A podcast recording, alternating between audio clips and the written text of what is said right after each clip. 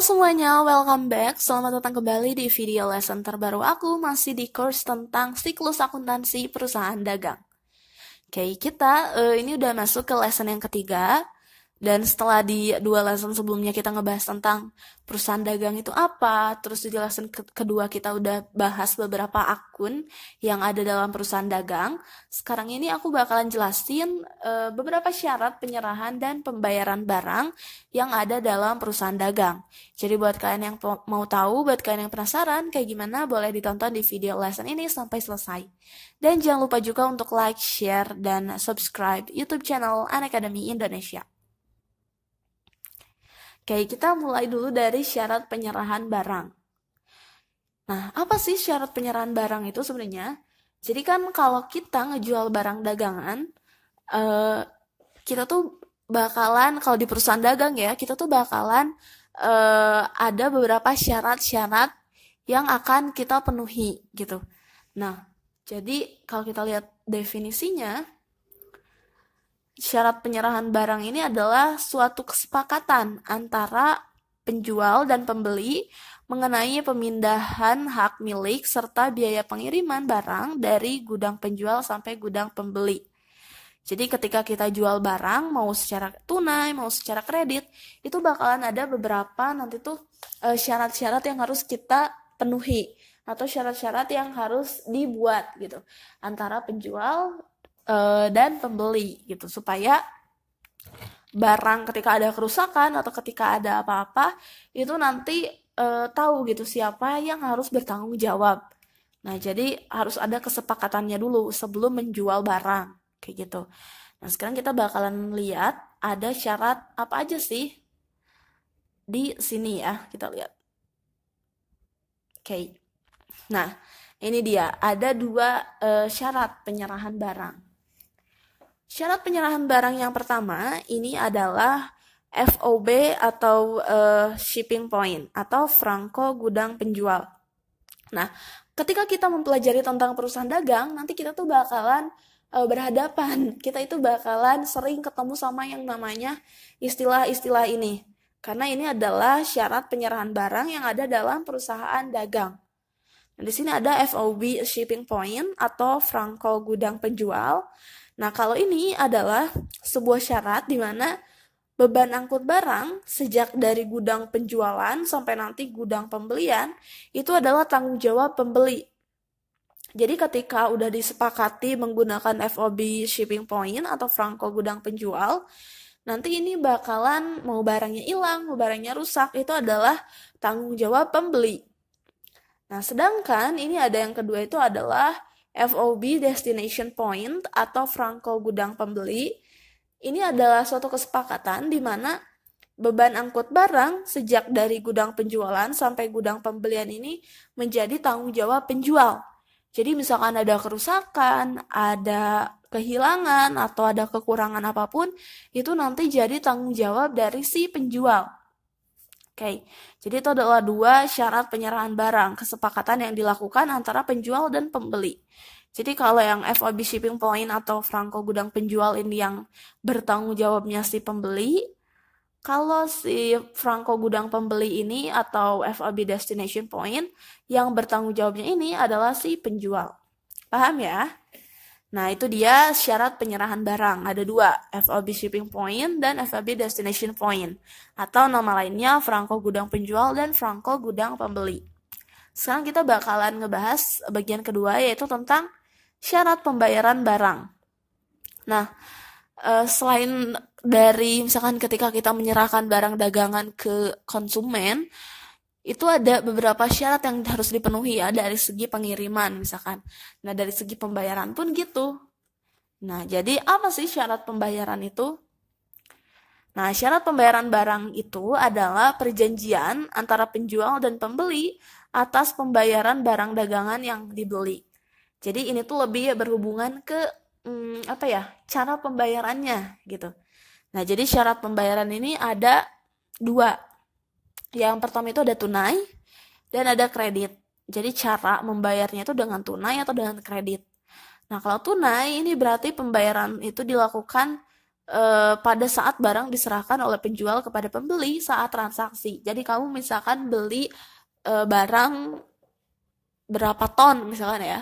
Nah, ketika penjual dan pembeli itu udah setuju harga harganya udah sepakat sama harganya, si pembeli ngasih uang ke si penjual dan si penjual ngasih barang ke si pembeli. Itu namanya tunai. Sedangkan kalau kredit ini adalah cara pembayaran yang kedua.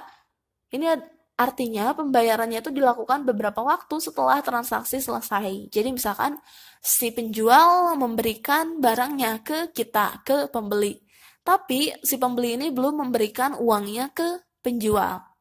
Nah, dalam istilah atau dalam syarat pembayaran kredit, ini ada beberapa istilah-istilah yang digunakan syarat pembayarannya. Nah, ini dia. Ada N per 30, ada 2 per 10 N per 30, dan ada N per 10 EOM atau End of Month. Nah, ketika kalian belajar tentang perusahaan dagang, kalian tuh pasti uh, sering ngedengar istilah ini baik itu dalam soal maupun dalam uh, apa ya kayak uh, istilahnya gitu. Ini bakalan sering ditemui karena ini salah satu materi yang harus kalian tahu gitu. Karena ketika kalian ngerjain soal tanpa tahu ini tiga istilah ini, udah kalian bisa salah ngerjain soalnya. Karena ini berhubungan dengan potongan penjualan atau potongan pembelian ketika misalkan di situ di potongan penjualnya tertulis, potongan penjualannya tertulis ada menggunakan 2 per 10 N per 30 atau N per 10 N of month, kalian nanti nggak tahu kan, misalkan uh, itu harus dipotong berapa persen kalau kalian nggak tahu istilah ini. Makanya di sini aku bakalan jelasin tiga istilah ini. Dari mulai yang pertama, ini ada N per 30. N per 30 itu adalah pembayaran yang disepakati akan dibayar paling lambat 30 hari setelah tanggal faktur. Jadi ketika dia udah nerima faktur, nanti dia janji harus bayar 30 hari setelah terbit tanggal faktur. Kayak gitu. Jadi eh, paling lambat 30 hari setelah tanggal faktur. Yang kedua, ini ada 2 per 10 N per 30. Nah, ini adalah e, kesepakatan di mana pembayaran itu dilakukan paling lambat 30 hari setelah tanggal faktur dan jika dalam waktu 10 hari atau kurang dari 10 hari itu sudah dibayar, maka dia akan mendapatkan potongan sejumlah 2%. Ini nih makna dari 2 per 10-nya tuh ini. Bakalan dapat 2% eh, ketika bayarnya itu 10 atau kurang dari 10 hari setelah tanggal faktur. Dan paling telat 30 hari setelah tanggal faktur. Kalau dia bayar di hari ke-20, dapat eh, potongan nggak? Nggak, karena di sini ditulisin kalau yang kurang dari 10 hari aja baru dapat eh, baru dapat potongan. Jadi ini tergantung sebenarnya ada yang 5 per 10, ada yang macam-macam ya. Kalian bisa lihat tapi nanti uh, sama gitu perhitungannya kayak gitu. Misalkan 2 per 10 berarti dia dapat potongan 2% ketika bayarnya 10 hari atau kurang dari 10 hari.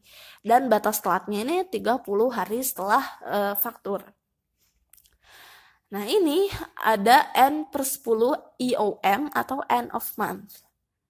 Nah kalau ini artinya berarti pembayaran itu harus dilakukan 10 hari setelah akhir bulan. Nah ini bedanya yang ini sama yang ini. Kalau N per 30 ya udah 30 hari setelah tanggal faktur. Tapi kalau yang ini dibayarnya 10 hari setelah akhir bulan. Jadi tanggal 10 misalkan ya kayak gitu. Jadi N per 10 IOM itu adalah yang harus dibayarnya itu 10 hari setelah uh, akhir bulan. Kayak gitu. Oke, jadi ketika kalian nemu soal, misalkan uh, Pak Budi melakukan penjualan dengan syarat uh, eh, 5 per 10 N per 30 misalkan. Nah itu apa artinya? Kalian jangan dimasukin si angka yang tertera di situ. Misalkan sejumlah 500 ribu. Nah jangan dimasukin segitu, tapi kalau kalian mencari potongannya, lakukan perhitungan seperti yang ada di sini.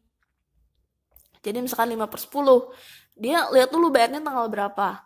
Kalau dia bayarnya tanggal 7, misalkan itu dia masih dapat karena masih kurang dari 10 hari.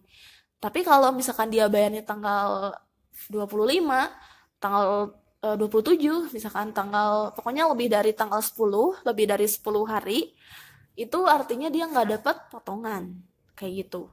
Ngerti ya, paham ya? Dan 2% ini juga uh, nggak nggak bukan patokan yang pakem gitu. Karena ini bakalan berubah ketika ininya berubah. Ketika ininya 5 ya potongannya 5% ketika ini potongannya 3 3% kayak gitu. Oke. Paham ya? Jadi itu dia syarat pembayaran barang. Jadi kita di, di lesson ketiga ini udah belajar tentang syarat pembayaran dan juga syarat penyerahan barang di perusahaan dagang. Semoga materinya bisa dipahami dan bisa dimengerti. Next di lesson berikutnya aku bakalan ngejelasin tentang metode uh, dari pencatatan transaksi di perusahaan dagang. Jadi jangan lupa untuk tonton terus videonya. Jangan lupa juga untuk like, share, dan subscribe YouTube channel An Academy Indonesia. Sampai jumpa dan dadah!